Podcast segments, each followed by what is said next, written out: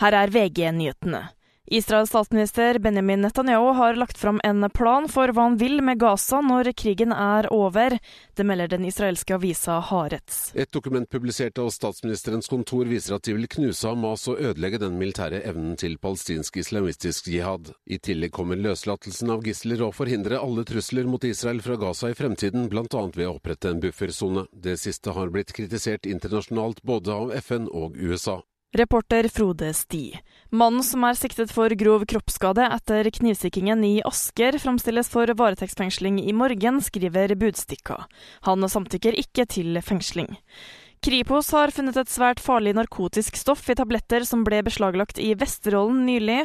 Tablettene inneholdt virkestoffet metonitasen, som knyttes til flere dødsfall på landsbasis. Ti er nå bekreftet døde etter storbrannen i Valencia i Spania. Blant de døde er en familie på fire med en treåring og en nyfødt baby, melder avisa El Pais.